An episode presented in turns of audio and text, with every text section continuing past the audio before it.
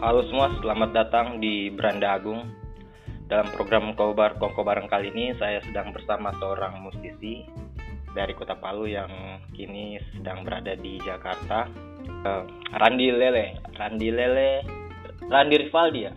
Halo. Randi Rivaldi, betul sekali. Randi Rivaldi. Dulu, dulu waktu zaman kontes itu uh, orang-orang panggil Randi Palu karena kan perwakilan dari kota Palu dulu. Dari Palu. Oh, okay. Dan itu waktu itu perwakilan pertama untuk kontes itu KDI 5 2008 itu orang pertama yang lolos di KDI untuk Kota Palu. Nah, kalau Sulawesi Tengah sih kayaknya kalau Sulawesi Tengah sih kayaknya ada dulu pendahulunya Safarudin dia orang toli-toli. Uh. Cuman orang lebih orang lebih kenal dia uh, Makassar karena dia kan pada saat itu membawa nama Makassar. Hmm, oke okay, Okay. Gitu. Terima kasih sudah diluruskan karena saya agak nah. paham ini. Ini gunanya kita bicarakan soal bagaimana perjalanan karir kan, perjalanan hidup asik. Oke, okay, jadi saya ulang lagi Randi Rivaldi atau Randi Lele. Yang mana nih panggil Randi Rivaldi, Randi Lele? Dua-duanya. Dipanggil, dipanggil dua-duanya tidak dua masalah. Tapi kita panggil Randi. Randi ini uh, masuk ke lima besar KDI, KDI 5. Betul tahun iya, 2008. Mm Oke, jadi pertanyaan yang paling mendasar ini sebenarnya saya mau buka dengan kenapa uh, Randi keluar dari industri musik dangdut. Sebenar sebenarnya sebenarnya apa namanya uh, untuk jawaban itu sebenarnya bisa bisa beragam ya. Cuma pada intinya adalah hmm. uh, ada hal-hal yang yang yang di dalam di dalam industri musik dangdut itu yang memang uh, tidak bisa saya gapai ibaratnya bukan tidak bisa digapai sebenarnya tidak tidak tidak masuk ke ke jiwaku ibaratnya karena uh, mayoritas penyanyi-penyanyi dangdut itu yang cowok ya hmm. yang yang kekinian ya kalau yang dulu sih sepertinya tidak yang kekinian itu uh, maaf maaf maaf nih gaya-gayanya agak agak-agak seperti ya kurang kurang dapat kur, begitu kur, kurang maco lah ibaratnya kalau bahasa halusnya uh. nah dan saya mempelajari pergaulan pergaulan di dunia itu uh, ada sesuatu yang kita masuk kita bisa pura-pura asik. Misalkan saya masuk di satu rumahnya orang terus orang orang rumahnya sebenarnya uh, judes. Tapi saya menganggap itu pura-pura asik karena saya punya kepentingan. Misalkan saya mau uh, mau misalkan contoh apa ya pokoknya ada ada sesuatu yang saya inginkan. Sehingga saya masuk dalam rumahnya dan mencoba untuk ikutan asik. Padahal sebenarnya orangnya tidak asik.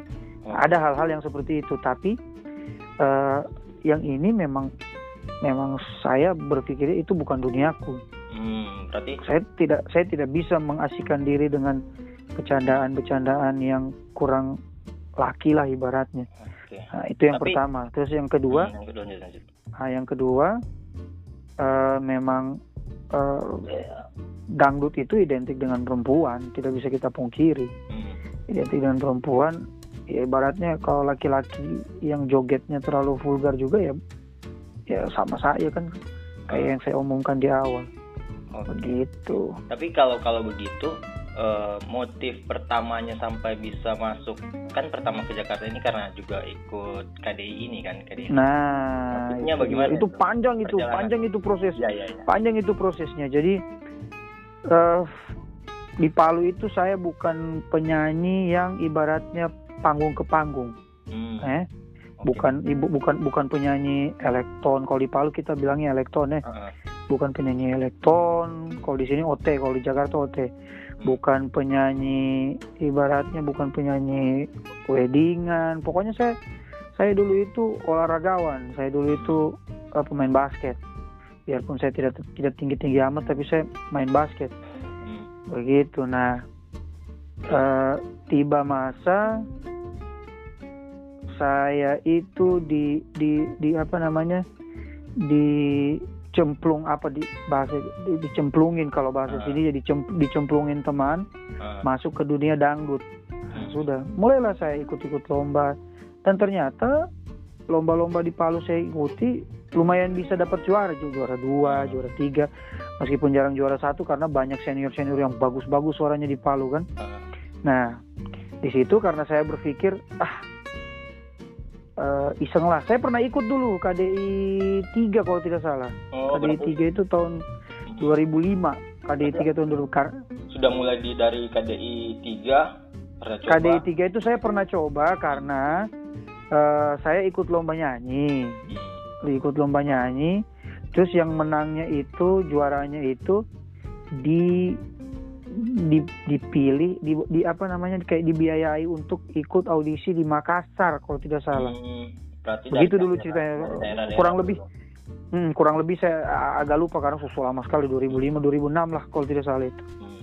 Nah, dibawa ke sana karena mau mau bukan mau tidak mau memang memang karena saya menang jadi saya harus ikut berangkat juga nah saya tidak terpilih waktu itu di 2006 karena semua dari kota Palu tidak ada yang terpilih uh, yang terpilihnya dari Makassar nah akhirnya saya pikir ah mungkin uh, apa namanya saya coba peruntungan lain 2008 itu kan sudah selesai sudah sudah selesai sekolah lah ibaratnya sudah hmm. selesai SMA kan oh berarti pas SMA ini selesainya Uh, uh, iya, saya kan lulus SMA 2006. Hmm. Iya, kurang lebih 2006 2007 akhir apa? Lupa. Nah, apa namanya? 2008 saya sempat kuliah. Terus uh, itu ceritanya itu mau tunggu audisi Indonesian Idol. Hmm, jadi ikut. Tunggu. Ah, ceritanya begitu itu. Ada awalnya Indonesian Idol. Indonesian Idol. Ah, ah, awalnya mau ikut Indonesian Idol, mau ikut itu sudah tuh mau mau mau, mau, mau berpikirnya kalau akan ada di misalkan di um, apa kota Palu atau di ah. Makassar lah uh, minimal. Ternyata pada saat itu Yang adanya ya? itu dibuka hanya di Manado. Hmm, okay. di Manado. Saya uh, ada zaman dulu bukan tipe kalau orang yang uh, terlalu percaya diri. Nah, pada saat pada zaman dulu ya karena saya belum tahu kapasitasku bernyanyi itu seperti apa meskipun apa namanya meskipun uh, kalau diukur dari segi segi prestasi saya sudah berapa kali menang lomba tapi lomba nyanyi dangdut. Hmm, nah, jadi pas ada momen bukan di KDI jadi ah pas ada KDI. momen uh, uh, pas ada pas ada ya, ke, misalkan masuk Indonesian Idol dan hmm. di sana itu di Manado pikiranku langsung begini ah tidak ada harapan orang Manado suaranya bagus-bagus kan yeah, mereka kan iya. banyak penyanyi kan Manado kan nah dari situ akhirnya karena Indonesian Idol batal batal diikuti. Mungkin sudah jalannya dikasih dikasih Tuhan untuk saya untuk bisa berjuang di Jakarta. Hmm. jadi tiba-tiba dari KDI 1 sampai KDI 4 itu tidak pernah ada audisi kecil di Kota Palu. Nah, pas KDI 5 itu tiba-tiba ada audisi KDI di Kota Palu. Begitu. Itu betul-betul audisi dibuka untuk kota kecil. Dan uh, yang lebih yang lebih yang lebih wownya lagi pada saat KDI 6 audisi kota kecil dihapuskan oh jadi pas di KDI jadi saya, yang memang rame makanya jadi saya beranggapan jadi saya beranggapan begini oh memang sudah jalannya Tuhan ini tiba-tiba dari KDI 1 sampai KDI 4 tidak ada audisi di Kota Palu. KDI 5 ada audisi di Kota Palu, KDI 6 Telanya. ditutup audisi di Kota Palu sampai sampai seterusnya tidak ada lagi audisi di Kota Palu. Nah, saya mulai. bersaing lah. Di situlah mulai saya bersaing dengan senior-senior saya. Pada saat itu waktu saya audisi mamaku almarhumah itu dirawat di rumah sakit. Wih. Saya ingat sekali itu dirawat di rumah sakit. Jadi keputusannya berat juga, harus nah, kita juga ya. Oke, oke. Itu terus uh, satu hari full saya tinggalkan mamaku di rumah sakit tinggalkan mamaku di rumah sakit alhamdulillah keputusannya saya lolos tapi pada saat itu masih lolos ke Makassar hmm. gitu jadi sebenarnya KDI ini kalau saya bilang sebenarnya bukan bukan bukan tidak saya inginkan hmm. saya memang kalau tidak saya inginkan saya otomatis 100% tidak ikut tapi sebenarnya jalan alternatif yang dikasih sama Tuhan karena keinginan utamaku adalah saya ingin ke Jakarta hmm. tanpa merepotkan orang tua, tanpa tanpa mengeluarkan biaya, hmm. tapi saya ada di Jakarta. Nah ternyata dibuka Tuhan jalannya oh kau ikut audisi KDI. audisi KDI gitu jadi impian utamaku itu sebenarnya bukan untuk jadi penyanyi seperti sekarang impianku itu adalah Bagaimana saya ingin ke Jakarta, ke Jakarta. ke Jakarta karena saya dengar ceritanya orang-orang Jakarta itu uh, kayaknya bagaimana sekali kan. Yeah, yeah, yeah. Jadi ingin juga ke sini tanpa biaya tanpa karena kalau minta sama orang tua kan pasti wah nggak apa kok di Jakarta mau hmm. gini bla bla bla bla bla lebih baik kau kuliah di sini atau lebih baik kau ikut penerimaan polisi di sini standar kan uh. kuliah terus jadi PNS ya standar sekali lah keinginan orang Tapi tua. Tapi kalau kan. kalau dalam uh, eh, KDI itu ada berapa lama itu kemarin di KDI 5 proses? KDI itu, itu KDI 5 itu kurang lebih 7 sampai 8 bulan. 7 sampai 8 bulan. Nah, dari proses gerbang KDI karena uh. jadi begini kita yang dari perwakilan Kota Palu lima orang itu dikirim ke Makassar dulu. Uh. Ya kan? Nah, dari Makassar kita disaring perwakilan masing-masing perwakilan masing-masing kota. Kebetulan saya mewakili kota Palu. Nah, dibawalah ke Jakarta memasuki gerbang KDI. Nah, pada saat gerbang KDI itulah sudah mulai pakai SMS. Nah, itu berlanjut terus kalau kita lanjut-lanjut terus. Nah, saya kan kemarin sampai 8 eh, sampai 5 besar. Otomatis yang yang 5 besar, eh 10 besar tidak boleh pulang ke eh sorry, yang eh 10 apa 5 besar? Eh 10 besar. 10 besar itu besar. tidak boleh pulang tidak boleh pulang ke daerahnya masing-masing karena pada saat nanti grand final kita tampil lagi. Hmm. seperti itu. Nah terjadilah saya sampai 7 bulan 8 bulan di asrama itu. Nah, tapi kalau pas selesai dari itu ke 10 besar ini ada ada kayak semacam bagaimana sebenarnya modelnya KDI ini untuk kontrak-kontrak kayak uh, peserta-peserta? Uh, kita ada reward misalkan uh, rewardnya satu uang tunai yang kedua kontrak otomatis kan nah pada saat kontrak itu ya cuma itu apa namanya uh, ya itu juga salah satunya yang bikin saya juga tidak terlalu tertarik lagi balik lagi tidak terlalu tertarik lagi hmm. ada di situ karena kebetulan masuk masuk di dalam manajemen yang tidak memperhatikan talentnya di dalam. Jadi ibaratnya ibaratnya misalkan misalkan kau telepon saya kan? Hmm misalkan kau telepon saya ini e, Randi uh, ada job ini menyanyi di sini. Oh iya dealnya berapa? Misalkan contoh. Misalkan pada saat itu harga aku masih uh, eh, 12 juta contoh ya ini hmm. contoh. Misalkan 12 juta tahun-tahun 2009 lah segitulah 12 hmm. juta 14 paling besar sekali 14 manggung. nah sekali manggung misalkan contoh lah kita ambil contoh yeah. 10 juta lah kita ambil contoh hmm. ada budgetnya nih Randi 10 juta oke siap Nah, karena saya dulu masih ibaratnya anak baru, tidak hmm, mengerti, ikut -ikut. tidak mengerti dengan nah, saya akhirnya karena kan mereka ada di situ tertera kalau kita jalan e, nyanyi pakai nama KDI kita akan kena denda satu miliar kalau misalkan kita tidak hmm. melaporkan ke mereka. Jadi kita harus laporan ke mereka tiap dapat job. Sementara mereka tidak pernah membantu kita untuk mencari job. Pernah, cuma oh. jarang sekali kasih kita job. Hmm. Kebanyakan job itu dalam datang pribadi dari kita. Misalkan saya dapat hmm. dari kau, misalkan contoh kan. Nah, saya otomatis lapor ke mereka karena saya takut saya takut di denda itu kan.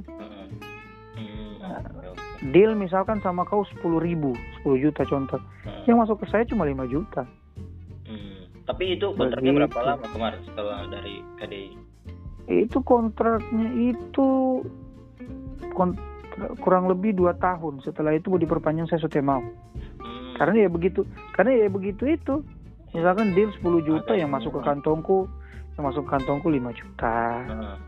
padahal saya yang susah-susah telepon orang untuk hmm. Untuk lobby job segala macam tapi uh, melihat industri musik dangdut kalau mungkin di era-era dulu itu atau mungkin sampai sekarang kayaknya kelihatan uh, industri musik dangdut memang masih masih banyak peminatnya atau bagaimana sebenarnya? Kalau kalau kalau untuk kalau untuk di daerah hmm. itu penyanyi itu industri dangdut itu banyak sekali peminatnya. Hmm. Hmm, itu iya. itu untuk industri dangdut kebanyakan di daerah. Kalau di kota ya wajar lah kita kita tidak terlalu ya. Cuman sebenarnya apalagi dengan dengan dengan bangkitnya lagi ajang-ajang pencarian bakat dangdut kayak di Indosiar itu itu orang-orang jadi melek sama dangdut lagi. Ibaratnya kan begitu orang-orang jadi jadi jadi jadi bahkan ini sebagai sebagai sebagai ini ya sebagai uh, tolak ukur. Tolak iya. ukur bagaimana bagaimana dangdut itu di, di, di dihargai orang kita misalkan kau penyanyi penyanyi bia, penyanyi dangdut tapi kau tidak punya gelar dangdut hmm. kau hanya akan dibayar eh, lima ratus seadanya tiga ratus iya seadanya ibaratnya hmm. tapi kalau kau punya nama KDI dan kau punya track record kau ada rekamanmu di hmm. di mana di di TV atau di YouTube atau di mana kau bisa jual itu kau bisa dapat kau bisa dapat bayaran di angka 7 juta ke atas bisa. Kau bayangkan perbandingannya. Nah itulah makanya saya bilang sebenarnya dangdut masih punya pasar sendiri di Indonesia. Cuma itu kembali lagi ke kayak manajemen ke apa mereka nah itu, itu. sebenarnya sebenarnya sebenarnya pada intinya itu kembali ke manajemen dan kualitas si penyanyinya. Kalau kau punya kualitas bagus terus manajemenmu tidak bagus ya habis kalau kau punya manajemen bagus, kualitasmu juga tidak bagus, ya sama saja bohong. Intinya harus dua, manajemen bagus, kualitasmu bagus. Juga. Tapi kalau dari KDI sendiri, setelah uh, mengikuti kontesnya itu, ada tidak kayak ditawarkan ke peserta-peserta ini, uh, ke penyanyi-penyanyi ini kayak rekaman atau semacamnya? Uh, kalau di zamanku itu kita tidak punya album rekaman. Hmm. Kalau di KDI, kalau di KDI KDI sebelumnya ada kayaknya ibaratnya album kompilasi album kompilasi peserta KDI. Nah, kebetulan KDI 5 itu saya ingatku tidak punya album kompilasi. Gitu. Jadi betul-betul kita kayak kambing ibaratnya. kayak kayak kambing begitu. Begitu hmm. ah, begitu so dilepas di lapangan ya sudah terserah kau kalau kau kalau hmm. kau pintar cari rumput berarti kau makan. Kalau kau tidak pintar cari rumput ya kau tidak makan.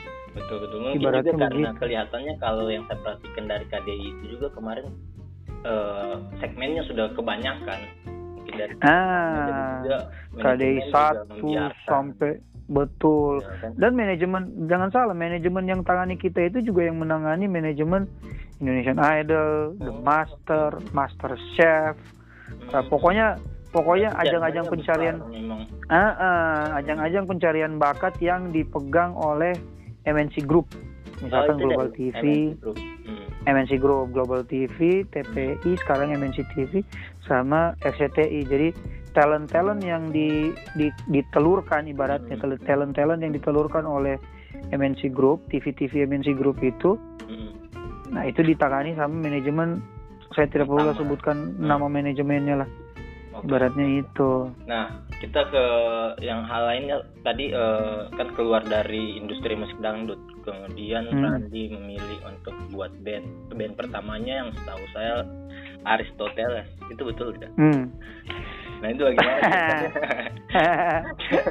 bagaimana ceritanya bisa beralih masuk ke uh, awal ke band jadi seorang penyanyi? Ya. Tahu dari mana? Tahu dari mana kok Aristoteles? Biasa. Dasar wartawan ya. Bagaimana itu ceritanya? Jadi itu dulu Aristoteles itu uh, ya namanya kita di dunia musik ini kan sekitar-sekitar situ saja itunya kan. Hmm. Apa namanya uh, pergaulannya bias meskipun meskipun banyak tapi ya orang-orangnya itu itu juga nah kebetulan saya dikenalkan sama teman jadi ada ini yang cari vokalis misalkan uh, dulu ada sempat ada gig gig uh, dengan dengan dengan yang kenalkan saya dengan gitarisnya Aristoteles itu. Hmm. begitu. Jadi nah, ada gig dia dengar ih uh, ini ada ini bagus dia punya suara. Dia juga jebolan KDI dulu. Hmm. nah mereka ter- pertama underestimate itu. Hmm, Hah? karena lihat jebolan, dari KDI iya jebolan KDI wah hmm. dangdutan dong kita. Begitu dulu bahasanya mereka. Dangdutan dong kita cobain aja lu kalau kalau misalkan ini lu lu undang ke studio lu lu ajak lu ajak ke jam dengerin suaranya dangdut tapi kagak misalkan hmm. dia bilang begitu kan nah mulailah datang ke sana lah datang ke studionya terus setelah ngejam eh dangdut tuh kok kagak kelihatan sama sekali hmm. iyalah kan kita menyesuaikan nah di situlah ternyata mereka cocok rekaman lagu-lagunya bagus hmm. cuman memang ya itu lagi terkendala di di memang pada saat kami mulai merintis itu 2009 2010 itu yeah. kurang lebih 2009 2010 hmm. uh, apa namanya uh, eh bukan 2010 2010 saya masih jalan di dangdut 2011 2011 2012 lah nah, itu industri-industri musik ini kan sudah mulai ibaratnya sudah mulai awal-awalnya awal-awalnya tidak jelas. Mm.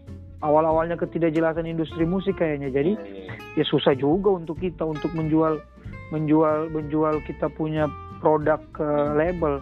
Mm. Karena label juga pada saat itu sudah mulai berkurang pemasukan dari dari dari apa namanya dari penjualan kaset kan karena lagu-lagu kan banyak bajakan sekarang. Iya betul betul karena kalau tidak kalau kalau bukan bajak banyak bajakan. Uh, uh. Nah kalau bukan bajakan dijualnya di hmm. dijualnya di toko ayam. Nah betul. jadi iya kan? Uh. Nah tapi jadi tapi dari hmm. situ juga kan uh, masih tetap uh, ambil job di dangdut juga pas sementara jalan di band. Masih masih jalan di band ya namanya kalau dangdut ibaratnya uh, satu kali datang banyak jadi hmm. kita punya tabungan lah di di di di, di apa namanya di di waktu-waktu mendatang dari job dangdut itu kalau misalkan job dangdut ada terus job dang kebetulan pas job job band kosong kan ada ada ibaratnya ada ada pegangan. Iya, iya, iya. pegangan pegangan penghasilan di dangdut. Uh begitu. Jadi tetap jalan bersamaan band juga jalan. Jalan bersamaan pada saat itu. Nah, di situ pokoknya saya jalan tot jalan jalan bers, pokoknya saya tetap jalan di dangdut itu yang aktif sekali itu sampai 2015 hmm, nah itu 2000 tetap jalan. 2006 ya. 2000 ah 2016 sudah dalam satu tahun itu malah tidak pernah dapat job dangdut sama sekali. Hmm. nah itu pas di situ juga kan masih sama dapat dapat job dari Bunda Dorce juga. Itu dia? Nah itu dia. Kalau Bunda Dorce itu ininya kalau Bunda Dorce itu karena kebetulan bisa kenal itu karena dia dulu jadi komentator di KDI hmm. gitu. Nah mungkin dia dia senang dengan dengan eh, dengan suara aku mungkin hmm. ibaratnya dia jadi dia uh, sering kasih job juga di kementerian di mana namanya di uh, eh, TNI, markas TNI, markas Polri. Berarti, uh, Bunda Dorce ini ada manajemen sendiri juga dari dia. Uh, dia dia itu bikin dia itu bikin manajemen DG 63. Hmm. Tapi DG 63 itu hanya apa menaungi ibaratnya penyanyi-penyanyi yang menyanyikan karya-karyanya Dorce. Hmm, berarti gitu, dia bikin kontrak uh, apa sama Bunda Dorce panggungnya menyanyikan lagu-lagu dari Bunda Dorce semua gitu. Oh tidak, jadi Bunda Dorce itu tidak ada kontrak, hanya hanya sebatas hmm. ya ibaratnya orang penyanyi senior lah dia dia bukan hmm. penyanyi, entertainer senior kan, ya, dia punya nomor kita, dia telepon nanti datang ke sini nanti. Bunda lagu Bunda ada, ada lagu baru coba rekam. Hmm. Rekam lah sama sama sama saya kan. Saya rekam, dia suka, dia senang, ya sudah eh, bungkus dan dia itu tidak pernah dia pasarkan lagunya coba untuk koleksi. Hmm kau kalau datang ke rumahnya itu lemarinya itu lemari itu, itu besar sekali isinya lagu-lagu ciptaannya dia semua tanpa dipasarkan sama dia. Nah dia itu hanya hanya sebatas itu. Nah kalau kita sudah sudah mau untuk ikut rekaman di lagunya hmm. pada saat nyanyi pada saat dia ada job kita pasti diselipkan. Nah, kamu nyanyi di sini ya. Terserah kamu mau nyanyi berapa lagu tapi kalau bisa selipin lagu bunda kalau playernya tahu. Dia bilang hmm. begitu. Nah intinya sebenarnya itu. di proses itu juga uh, aktivitas di luar dari entertaining ini sebenarnya apa di sana? Ada tidak? Kuliah di mana? Uh, kuliah dulu saya selesai di UNAS. Saya baru ya. baru baru melanjutkan kuliah kan tadinya kan kuliah di 2008 itu kan cuman terkendala KDI bukan terkendala cuman cuman sudah lolos KDI akhirnya di stop kuliah. Nah saya baru sambung lagi 2011 saya masuk kuliah. Lulus saya 2000 2015 pertengahan ya tiga tahun setengah lah. Tapi pas di kampus ada yang tahu tidak? Eh, ini peserta KDI ya? Ada ada beberapa be beberapa. Hmm. karena kan sudah 2011 juga kan. Hmm. jadi itu pun tahunya juga bukan karena betul-betul betul-betul kenal. Hmm. kalau kalau misalkan yang kenal ada cuma beberapa lah kayaknya lu pernah di dangdut deh ya. Ikut-ikut ya? uh, ikut-ikut kontes ya. Bener gak sih? Hmm. Ah ya kurang lebih begitulah. Ah. tapi respon teman-teman juga dari kampus maksudnya normal ya pas saya kuliah. Normal ya. tidak ada masalah. Kadang-kadang kadang-kadang misalkan mereka tahunya dari postingan dulu masih zaman BBM ya 2011 itu kan. Postingan BBM kadang-kadang kalau saya posting lagi uh, lagi misalkan lagi show di mana yang jadi mana pada saat kuliah itu kan 2011 masih jalan kan. Yang jadi mana saya posting sama Rinda lah di inilah di itulah. Nah, mereka tanya lu kok bisa nyanyi keluar kota begitu? Emang emang lu kerjaan lu apaan sih? Nah, mereka iseng lah ada yang ada yang iseng ketik di Google Randi. Muncullah Randi KDI diketik oh si kampret penyanyi dangdut ternyata. Begitu intinya. Ada yang karena penasaran pekerjaanku apa ada hmm. ada yang karena ada yang karena googling googling ada yang memang tahu tapi uh, uh, apa namanya lupa lupa ingat ibaratnya. Eh, terus uh, sempat juga katanya uh, pulang balik Palu di tahun-tahun itu 2011 sementara pas kuliah.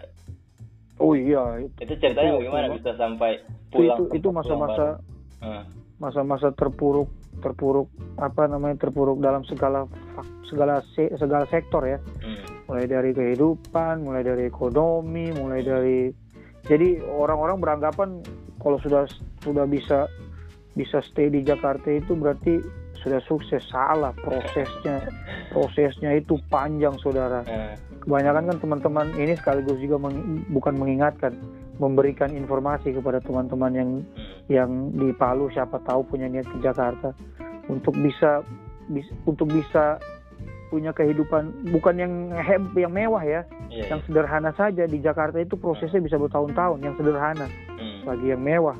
Yang mereka salah. kayak melihat oh kalau ke Jakarta begini-begini padahal prosesnya ah prosesnya aduh jadi jangan jangan mau tertipu sama FTV jangan mau tertipu uh. sama sinetron hmm. Jakarta itu keras buktinya Terus? saja saya keluar dari jam 9 jam 10 baru pulang tadi terus cerita lanjut lanjut lanjut ceritanya tadi uh. bagaimana bisa balik ke Palu nah itu dulu uh. itu dulu jadi uh, sempat terpuruk soal dari segala sektor itu sektor kehidupan pribadi terus uh, ekonomi. Sebenarnya yang paling yang paling yang paling mendorong untuk pulang itu ya ekonomi itu. Faktor ekonomi. Kalau kalau faktor kehidupan pribadi itu karena memang apa namanya uh, uh, intinya sebenarnya sudah merasa terlalu jenuh dengan kehidupan Jakarta, jenuh dengan kehidupan Jakarta, terus terlalu lama jauh dari orang tua, akhirnya punya keinginan pulang. Nah, tapi sebenarnya yang paling mempengaruhi ya sektor ekonomi itu tadi, karena kan kalau kita tidak tidak tidak pintar saving money di Jakarta ini selesai hidup kan. Apalagi nah, pada saat kuliah juga kan aktivitas. Nah, pada saat itu uh, apa namanya pada saat itu uh, memang tidak terlalu pintar untuk saving money pada saat itu makanya makanya uh, drop lah dari sektor dan itu juga pelan-pelan job job dangdut juga kan sudah mulai mulai berkurang itu hmm. dari 2011 itu sekalinya datang lima uh, bulan sekali enam hmm. bulan sekali paling cepat tiga bulan sekali ibaratnya begitu kan. Nah, sudah akhirnya memutuskan ya sudahlah pulang dulu lah. Nah, ternyata pas pulang nah ini ada sosok berjasa juga nih. Apa ada om wowong itu dia pas datang ke datang ke rumah bertamu dia bilang kau ngapain kau pulang? Saya saja tidak punya bakat apa-apa. Saya bisa bertahan dari tahun 92 saya di Jakarta. Hmm. sampai detik ini saya masih ada di Jakarta. Apalagi kau kau punya bakat kau punya talenta kalau kau merasa sudah tidak mampu lagi, kalau kau merasa dangdut sudah tidak memberikan kau kehidupan yang layak atau uh, perekonomian yang bagus, hmm. kau bergeraklah, carilah sesuatu yang baru. Kau kan bisa nyanyi, bukan bu, kau bukan cuma bisa nyanyi dangdut, tapi kau bisa nyanyi. Ibaratnya berarti jalan keluarnya adalah kau cari jalur lain yang bisa bikin kau dapat uang. Dia bilang begitu kan. Dari situ saya berpikir juga, eh betul juga ya untuk apa saya terpuruk datang ke Palu? Ya datang ke Palu berarti mimpi-mimpiku yang saya yang saya yang iya yang ibaratnya yang saya bangun dulu saya pengen di Jakarta saya pengen sukses dengan caraku sendiri di Jakarta berarti selesai di situ. Kalau hanya sekedar mimpi ya jadinya yang mimpi. Ibaratnya nah mimpi itu iya mimpi mimpi itu harus kau barengi dengan aksi. Ya. itu sudah pasti harus kau barengi dengan aksi tapi harus butuh satu motivasi Itu kalau kau punya mimpi, terus kau beraksi, tapi kau tidak punya motivasi, lama-lama aksimu itu akan bikin kau jenuh, bikin kau capek, kau berhenti. Tapi kalau kau juga punya motivasi, kau punya mimpi, terus kau beraksi atas mimpimu itu, pada saat kau capek, ada hal yang memotivasi. Oh, jadi ada iya. nafasnya untuk tetap. Jadi ada lagi sambungan nafas untuk tetap jalan. Intinya sebenarnya itu. Saya itu balik ke Jakarta ke Palu itu sebelum kuliah. Oh, sebelum kuliah. Begitu sebelum kuliah. Jadi kurang lebih kurang kuliah. lebih ha, kurang lebih itu 2000 saya pulang ke Palu itu 2010 awal. Hmm. Nah, saya memutuskan untuk kembali lagi ke Jakarta itu 2010 2010 menjelang akhir. Hmm saya memutuskan lagi untuk datang lagi ke Jakarta. Nah, 2011 awal hmm. saya mulai kuliah. Hmm. 2011 bulan-bulan bulan-bulan Maret atau bulan Mei itu saya akhirnya memutuskan untuk kuliah karena pada saat itu keuangan sudah mulai membaik. Hmm. Karena kan ibaratnya saya tidak perlu bayar uang kontrakan. Jadi jadi apa namanya uh, bisa saving money dan hmm. belajar dari pengalaman kemarin-kemarin karena terlalu fo boya kalau dibilang foya-foya begitu juga terlalu boros. Hmm. foya-foya hal-hal yang tidak perlu dilakukan dilakukan. Ibaratnya kenakalan remaja lah. Ya masih masih foya segala. ah, ah, ah, masih masih matang-matangnya. Hmm. matangnya umur umur umur umur begitu kan pengen tahu semuanya. Hmm. akhirnya di, tidak diimbangi dengan uh, manajemen uang yang baik. Sudah kelar. Nah belajar dari situ eh saya bisa punya penghasilan sendiri uh, pelan-pelan mulai mulai maju mulai apa segala macam uh, mulai mulai keluar dari rumahnya itu pas sudah mau mendekati menikah dengan istriku yang sekarang begitu.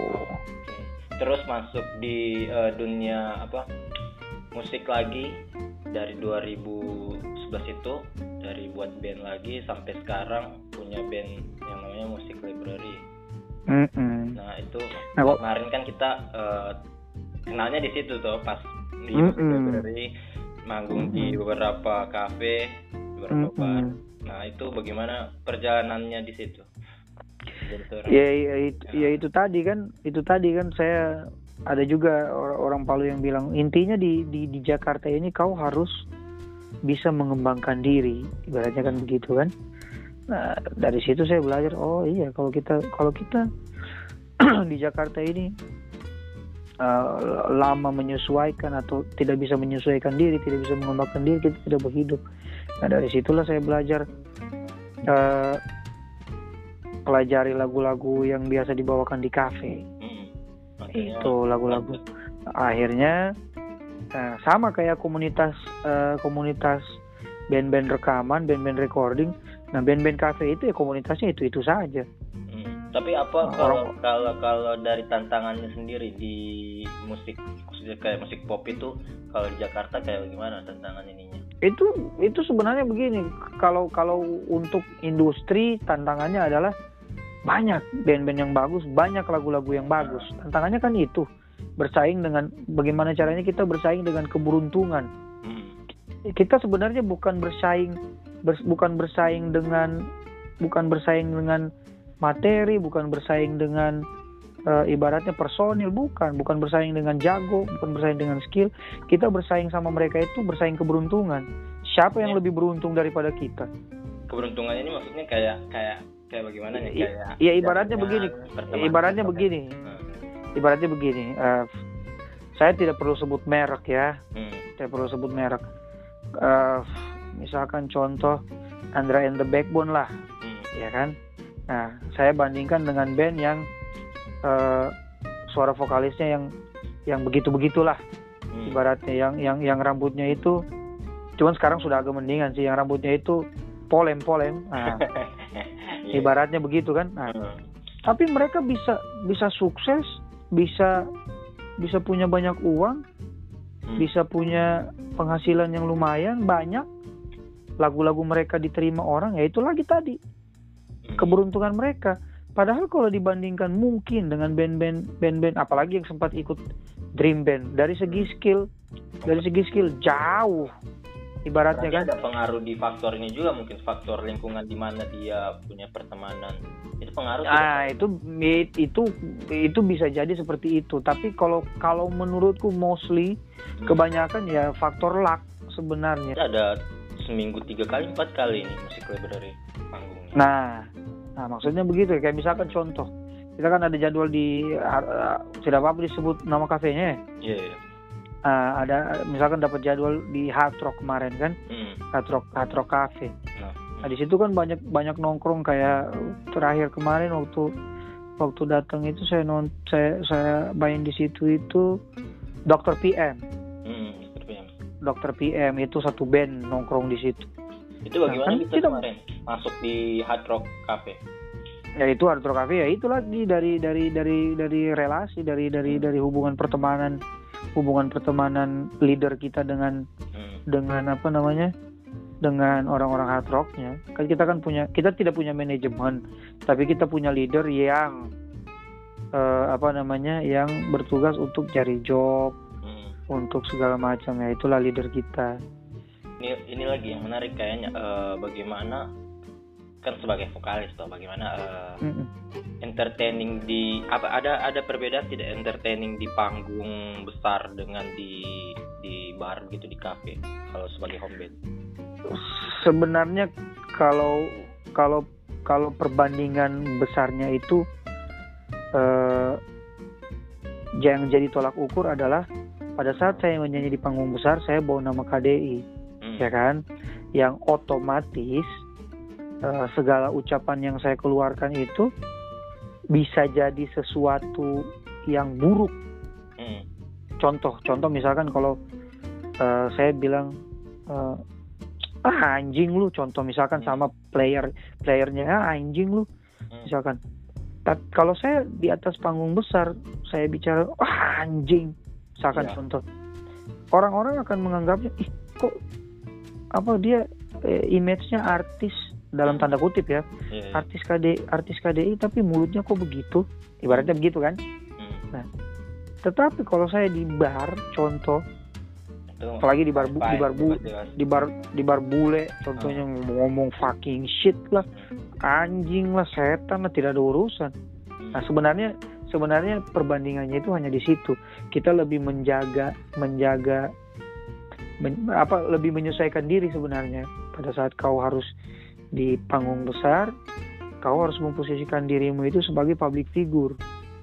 Pada saat kau di panggung kecil, di bar-bar seperti itu atau di kafe atau di mana, hmm. ya kau bebas mau menjadi dirimu sendiri selama kau tidak menyinggung yang punya bar. Intinya begitu sebenarnya. Lebih berasa asik home band atau sebenarnya kayak berkarya di industri?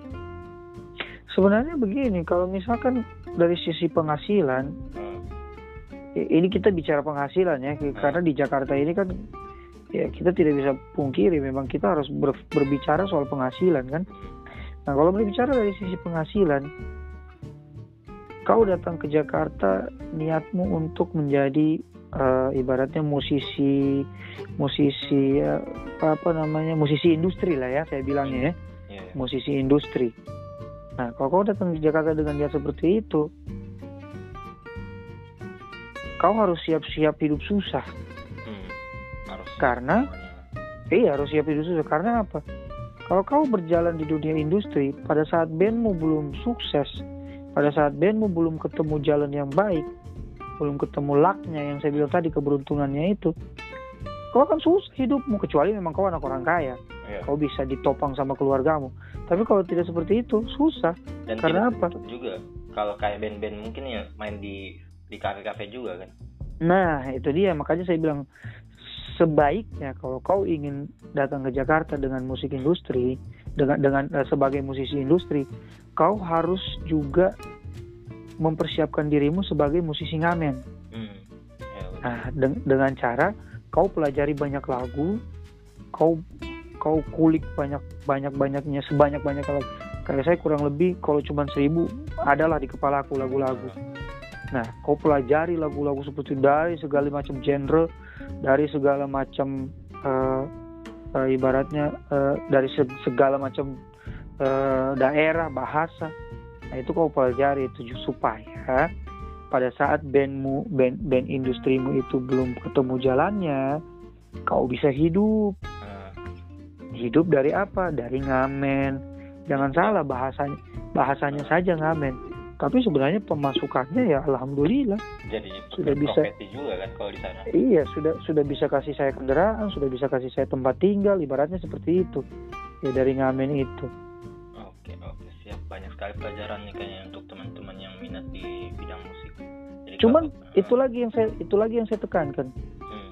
kalau kau punya mimpi saya ingin ke Jakarta pengen main musik di Jakarta kau harus butuh aksi sama motivasi. Karena kalau kau punya mimpi terus kau hanya punya aksi pada saat kau capek kau pasti pulang. Tapi kalau kau punya motivasi tambahan ibaratnya dari aksi itu kau punya motivasi. Pada saat kau capek kau punya motivasi saya harus sukses motivasimu itu yang akan bikin kau bertahan di Jakarta. Karena karena panjang proses tidak gampang. Untuk bisa sukses di Jakarta itu panjang proses saya. 11 tahun kurang lebih 11 tahun saya di Jakarta 12 tahun. Uh, untuk bisa dikatakan hidup dalam dalam taraf sederhana loh ya bukan senang sekali bukan mapan sekali sederhana lah ibaratnya. Tidak susah-susah amat hmm. tapi tidak senang-senang amat. Itulah lama proses 11 tahun. Yes, iya, sampai saya bisa ada di titik ini.